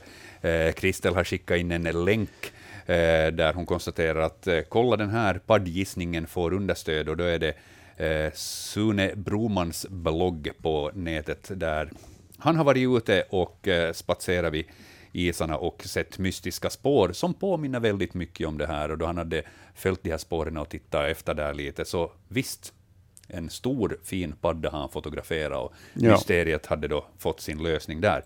Eh, Det är flera som håller med om att padda eller mullvad låter troligt och det lutar mot paddan i det här fallet. Ja. Spännande, vi kanske nog har börjat ringa in, ringa in den som har lämnat det här spåret, men, men intressant följetong ändå. Vi har ett samtal som väntar, vi får säga god förmiddag och välkommen till Naturväktarna. Ja, det här är Martin från Köklot ringer nu. Hejsan Martin. Det handlar om ljud. Ja, Efter nyheterna klockan 11 jag var ute och kollade lite till stugan så hörde jag gläfsande ljud. Eh, sådär med bara ett ljud i gången, inte, ihållande skall. Ja. Eh, ungefär 10 sekunders mellanrum. Ja. Och eh, jag vet, vi, vi har en, en, en Ja, det är en kråka som har blivit inspirerad av någon frasmånad. Så den, den jamar. ja, Men det här var gläfsande. Och nå hund, eftersom jag nu körde efter väg där så nå, nå hundspår så fanns nog inte. Men jag kommer att tänka på reven. Ja. Mm. Eh, kan det vara någon dygnsrytm? Jag menar när är off, mera i farten. Nej, det är nog mer för att den under, under nätterna, är sent eh, på kvällarna och nätterna, men nu finns det rävar som är i farten under dagarna också om de, om de känner sig trygga i landskapet och inte blir jagade. Ja, just Inte har Joakim brukar ha, ha någon inspelning. på gläfsande rev. Jag Ja. kan titta snabbt här. Det som jag ska passa på att fråga är, eh, och det är kanske mer riktat åt Hans, eh, kan det vara så att eh, vi har talat om de här revhannarna som, Ja. som börjar känna av brunst och sånt. Kan det vara någon form av brunstläte? Ja, ja. sånt här gläfs? Mm, ja, ja alltså de, de, de håller ju på och gläfsar länge i markerna, inte bara under själva parningsveckan utan långt före det. Och därför att eh, de ska få kontakt med andra rävar och framförallt då med, med tikar, revtikar. Så att eh, det kan vara en räv som, som redan eh, är så uh, hormonrusig att han tycker att det är en dags att börja skälla. Eh, sen finns det förstås också eh, hundar som uh, ute på, på revspår eller harspår kan väcka på det där sättet, men du känner säkert igen hundskalle. Ja, det, det, det är ynkligare. Ja, det är ynkligare, ja. Det är ynkligare, Ja. ja. Nu, nu är det reven, den har ju ett sånt där ganska häst, uh, ganska häst skall. Så Ja, att, eh, det är svårt att be- bedöma avståndet där, men, Mm. men eh, jag tänkte närmast den där dygnsrytmen, att om de är aktiva på dagen. De kan vara aktiva på dagen. Jag har nog sett rev som är, som är eh, i farten på dagarna. Och så att, så att det här, där de känner sig trygga så, så är de nog ute och strävar på dagarna för att söka mat. Den där jamande kråkan är väl inte helt normal heller, men jag vet att det förekommer nog. Det förekommer ganska ofta just med sådana kråkor som har lite speciella läten. De tycker om att, att, att det här, eh, syssla med sådana här lite ovanligare läten, kråkor, och sen när de har hittat ett läte som ingen annan kråka håller på med, så då sitter de och meddelar omgivningen om det här kan jag. Okej, det är bra så. Tack du- ska ni ha. Ja, nu tyvärr Martin, jag hittar Ja. inget revgläfs som jag skulle kunna Okej. spela upp här nu, men, men jag gör en notering om det här till mars månads Naturväktarna och så ska jag titta ordentligt i alla arkiv som jag bara kommer åt och se ifall jag hittar Tack, tack. Tack ska Ja, du ha. hej. Tack, hej. Ja, revgläfs, ja, jag, tänkte direkt, kan det vara något rådjur eller något liknande som... Ja, men som den har nog ett, ett mera eh, samlat skall, Ja. reven. Ja, Ja. Och just att den... Nå ja, det finns ju variation förstås inom en art i fråga om det här ljudet, men, men eh, nog är ju eh, reven ligger nog nära till här. Ja. Men, Men man kan inte förstås stänga ut rådjuret för de har ju nog ett sånt där skällande lete, men, men det är inte så sprött som, som revens. ja. Men som sagt, jag ska göra en djupdykning och, och, och kolla olika källor och se ifall vi hittar revgläfs. Och Rev och rådjur. Precis. Ja. Och så kan man jämföra dem Mm, lite. ja. Det får vi återkomma till. Fåglar talar vi om här eh, alldeles nyss. Det var den här sädesärlan med gulaktiga huvudet. Vi ska fortsätta med fågelfrågor. Um, Mette har skickat in flera bilder som är tagna inifrån på, på hennes fågelmatningsstation där och um, skriver så här. Hej! Jag har haft olika fåglar som tagit för sig på min bakgård. Dagliga besök är blåmesar, talgoxar, en koltrast, pilfink. Dessutom har jag sett steglitsar tidigare i år, eh, än tidigare år, och pilfinkar och sparvar samt en tofsmes som inte lågar, låter någon annan äta samtidigt som den. Denna lilla ihärdigt eh, ätande fågel trodde jag först var en av svartmesarna, men jag insåg snabbt att det inte var en svartmes. Frågan är då, högst troligen, trots att inte den är ställd svart på vitt, vad är det för en fågel? Um, Svartmes säger hon att det inte är, den är lite svår att urskilja på bilderna. Um, det gäller Ja. att titta noga. Um, och förstorar man den så har den en tendens att bli bara så grön i den här bilden, så att det är nästan bättre att, att se den ändå lite på avstånd. Men fågeln finns alltså på den här mat, eh, mat, eh, fågelmatningsstationen, eh, ganska sådär i mitten av bilden. Eh, till vänster så då ser man den i profil lite mera. Kroppen ser man så att säga uppifrån, men huvudet är vänt till vänster. Ehm, sen i mitten så då ser man mera stjärtpartiet och eh, bilden till höger, så då har den vänt på huvudet mera till höger sida. Ehm, så att man kan säga att den har liksom en svart strimma som på något vis fortsätter från näbben över ögat. Ja, den har en sån här eh, mörk ögonstrimma. Eh, om vi ser på den här vänstra bilden först, så ser man att förutom att den har den här ögonstrimman, så har den eh, ljusa kinder och, och en mycket kort näbb. Eh, sen har den små eh, vingband över vingarna. Eh, och eh, det syns ännu bättre på, på den här mittersta bilden, de här ljusa vingbanden. Ja. Eh, Sen när man tittar på den här högraste bilden eh, så ser man att den har en eh, kalott av lite mörkare färg eh, uppe på eh, eh, huvudet och sen en, en, en ljusare, ljusare rand förrän, det kommer, förrän man kommer ner till de här ögon, svarta ögonsträckorna. Nå, det här är en blåmes som eh, hugger in på fettkorven här på det här matningsstället. Mm. Eh, blåmesen som, ja, förutom allt det här du beskrev med färgteckningarna Ja. som går att urskilja här, så den har ju ofta en väldigt kännspak färg.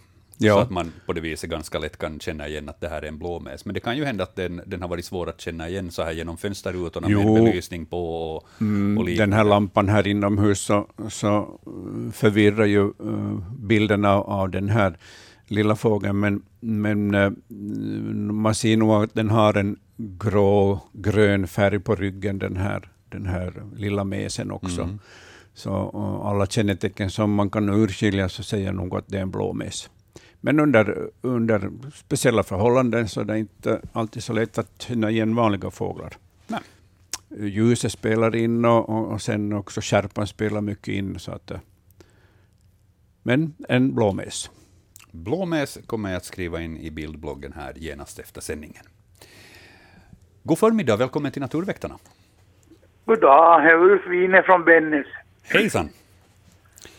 Vad Vi har- inte nå om någon fågel eller något, men jag råkade höra på Sveriges TV4 idag. Ja,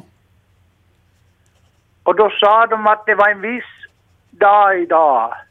Om det snöar idag så blir det tidig vår, men vad hette den där dagen? ja. Vad har de sagt på Sveriges TV4 nyligen? Ehm, Det var riktigt kvart före sju i morse sa de att om... Jag minns inte vad det var för dag. Ja, I äldre tider så hade man ju vissa dagar som, som eh, man tittar speciellt noggrant på för att, eh, för att det här då, eh, av, på basen av, av vädret, det rådande vädret den dagen, så kunde man då förvänta sig att det, Men- det blir en sån och sån vår eller en sån och sån sommar. Jo. Ja, Men det, i, i Bennes hade det nog snöat idag. Ja, då får du se upp med, Får vi tidig vår? med, med våren i Bennes sedan. man verkar Ja, komma snabbt hopp- dit. Ja, det har, det har ju hoppas- funnits alla möjliga olika sådana här turedagen och sånt, men Ja, det, jag det är hoppas senare i inte i april. Vasa men... Ja, det har inte snöat Ja, ja. ännu i Vasa, men det hinner ju men snöa ni har här. bra i program. Tack för det, hör du. Och så får vi Tack. hoppas att, att eh, din väderobservation på något Ja, vis ja, gäller åtminstone i Bennes. Bra, tack ska du ha. Ja, om det blir en tidig vår så det är... Det är svårt att säga, men att, eh, så har vi ju haft de senare, senaste åren. Och i, i, I och med den här klimatuppvärmningen så, så får vi ju kortare vintrar och, och tidigare vårar. Så är det. Så är det. Ehm, fåglar var vi inne på. Jag tittar här snabbt på klockan. Vi har drygt tio minuter tid på oss. Vi kommer att hinna besvara åtminstone fågelfrågorna. Gott så. Ehm, vi ska genast titta vidare på ehm, den som Jukka har skickat in. Han skriver så här. Hej, vad tror ni har hänt åt denna skata som tydligen har skadat sin näbb? Det är Jukka i Solv som har skickat in den här bilden. Och ehm, här är det på bilden en, en skata som sitter vid någon form av fågelmatningsplats och, och äter. Eh, och den övre näbben, så den har fått sig en rejäl törn. Ja, den är faktiskt förstörd, den här övre delen av, av näbben och, och vinklad. Kraftigt vinklad, nästan i 90 graders vinkel. Är det här alltså en, en eh, skada som har skett genom något eh, så här, att den har krockat, eller, eller talar vi om ett sjukdomsförlopp? För den har ju på något vis några knölar vid näbben också, tycker jag mig Ja, se. så tycker jag den ser ut som det skulle ha någon uh, fradga eller annan vit vätska i näbben. Ja. Om det är maten den just har på något vis ätit och det har liksom mjukats upp, det vet jag inte. Men Nej, det, de, de brukar uh, nog bara kasta in i, i krävan. De bearbetar ju inte födan i, Nej. i, inne, i, in- inne i nubbe- näbben. Nu den här sjuk, kanske den har en, en virussjukdom eh, som eh, Eh, gör att den, den har den här, den här varliknande vätskan i, i, i näbben. Uh, det kan ju hända att det är en så pass allvarlig sjukdom att, att näbben har blivit deformerad av det här också.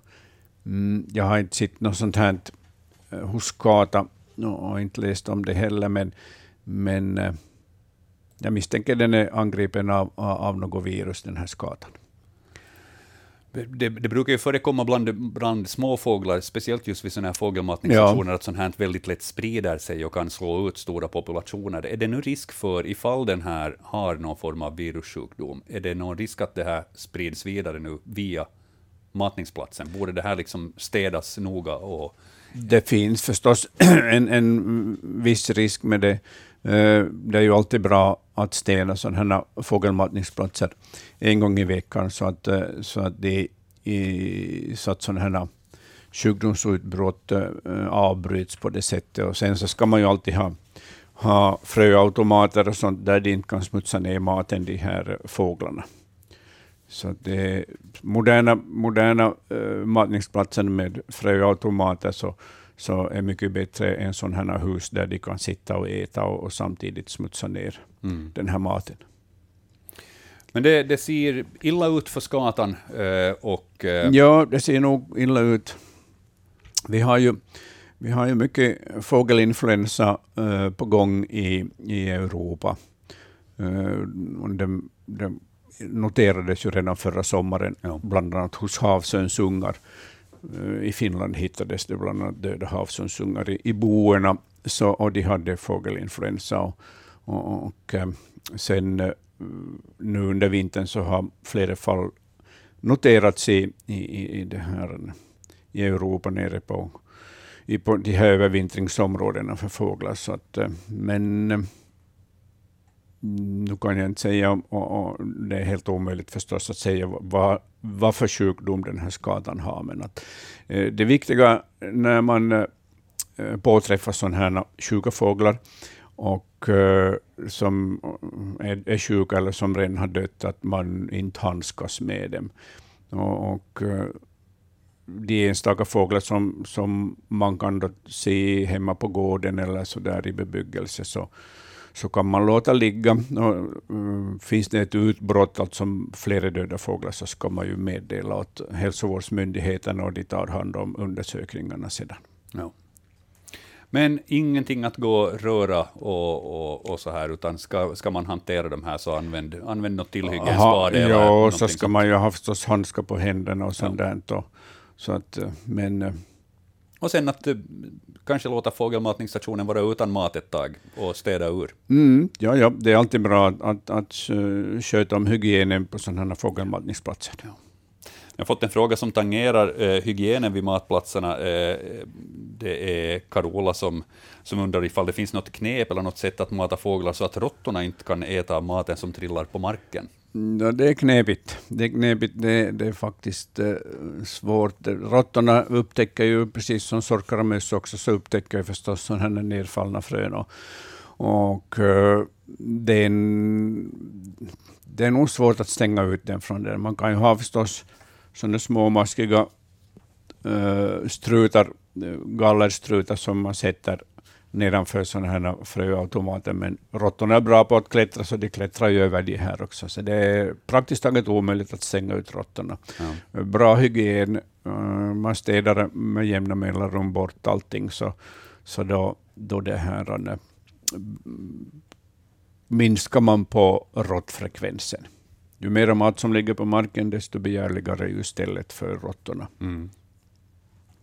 Ja, bra tips där åt eh, Carola, så får hon försöka hålla sig enligt det. Um, två bilder har vi kvar i bildbloggen, fem minuter sändningstid. Eh, det här borde gå. Eh, vi ska titta på följande, och den här säger jag direkt att den här är lite knepig.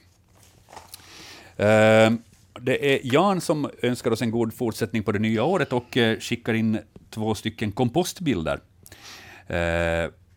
Och han tycker att det är fantastiskt mitt i smällkalla vintern, fast eh, dagen då det här togs bara var någon grad minus. Så då börjar svampar dyka upp bredvid snöranden. Eh, den öppna komposten hålls varm hela vintern med vegematrester, utedassavfall och allt blandat med en dryg tredjedel lövträdsspånor, eh, mestadels alm. Och där hade som sagt nu dykt upp två olika arter svampar. Han undrar ju naturligtvis vilka arter är det här? Ja ja, den här vänstra så ser ju ut som en bläcksvamp. Eh, Den högra har jag ingen aning om. Och, för att vi ska få då eh, ett eh, korrekt svar så, så tycker jag Anders ska titta på de här bilderna då till mars månad. Det är ju fantastiskt att, att svamparna är så här aktiva nu under vintern, men i en kompost, alltså en kompost som fungerar bra, så är det ju alltid en ganska hög värme och, och Ja. därför kan de vara aktiva också under vintern, de här svamparna. De uh, deltar ju aktivt i, i nedbrytningen av det här organiska materialet i komposten. Men visst är det intressant att få uppstickande svampar från, i sin kompost under vintern. Ja, visst är det det. Ja. Visst är det, det. Och, och det, är, det är många plusgrader det kan bli i en sån här komposthög. Jo visst, jo, visst. det kan Så- ånga om dem när de fungerar riktigt bra. Ja. Så fortsätt kompostera där, Jan, och eh, så ska vi försöka ha ett svar på vilka svampar det är du har fotograferat till nästa månads eh, Naturväktarna, alltså den 2 mars då vi är tillbaka. Eh, sista bilden som vi har i bildbloggen, bild nummer 20, eh, så det är Patrik som har skickat in den här. Han skriver Hej Naturväktarna! I höstas i augusti hittade vi konstiga genomskinliga klumpar ute på grangrenar vid Perhå å i Karleby. Klumparna var en par centimeter långa och mjuka och helt genomskinliga. Eh, som sagt mjuka, men inte klibbiga. Det såg ut som om vatten eh, som frusit, förutom att de då var mjuka och vattnet inte brukar frysa i augusti. Vad var detta för någonting? Eh, ja, eh, sådana här geléaktiga klimpar, det har vi fått in bilder på tidigare också till Naturväktarna, då inte i grangrenar, då mera på lövträd. Ja, men det går, går bra också. Eh, eh, det här är sådana äggsamlingar av eh, nattsländor. De, de har ju sådana här äggsamlingar inne i gelé klumpar och, och en del arter, vi har ju många arter av, av nattsländor, så en del arter som, det typiska är ju utmärkande för dem är att de lever i vattendrag och gärna i rinnande vattendrag. Och här har vi den här vid Perhå Perhå, ja. Mm. Och, och äh, det finns över 200 arter med nattsländor. Och, och en del så kastar sina äggsamlingar direkt ner i vattnet och en del gömmer dem på andra ställen, fäster dem på undervattensstenar. Och en del fäster dem då i, i, det här, i grenar uppe i luften. Och sen när de kläcks, de här, de här larverna, så droppar de ner i, i vattnet. Det är meningen att de ska droppa ner i vattnet. Mm.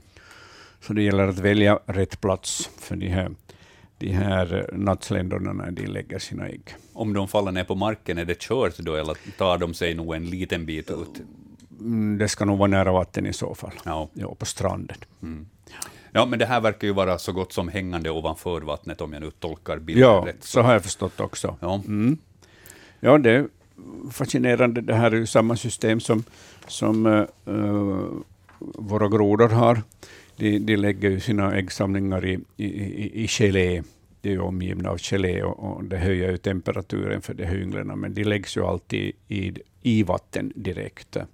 Men, men i alla fall samma fenomen att, att packa in de här dyrbara befruktade äggen i gelé, skyddande gelé och värmande gelé. Mm. Tack Hans Hestbacka för din expertis den här månaden. Vi får återkomma med mer frågor och svar igen i mars månad, då alltså den 2 mars, då är vi tillbaka. Fram till det så kan ni höra av er till Naturväktarna på e-postadressen natursnabelayle.fi eller skicka brevvykort och paket till Naturväktarna, Ylevega, postbox 12 00024 Yle. Och så kan vi titta då vad ni har kommit med för frågor fram till dess. Eh, den här eh, sändningen kommer ni att kunna lyssna på på arenan också i repris, och eh, så finns eh, frågorna i bildbloggen småningom. Tack för sällskapet, säger jag, Joakim Lax. Klockan blir tolv.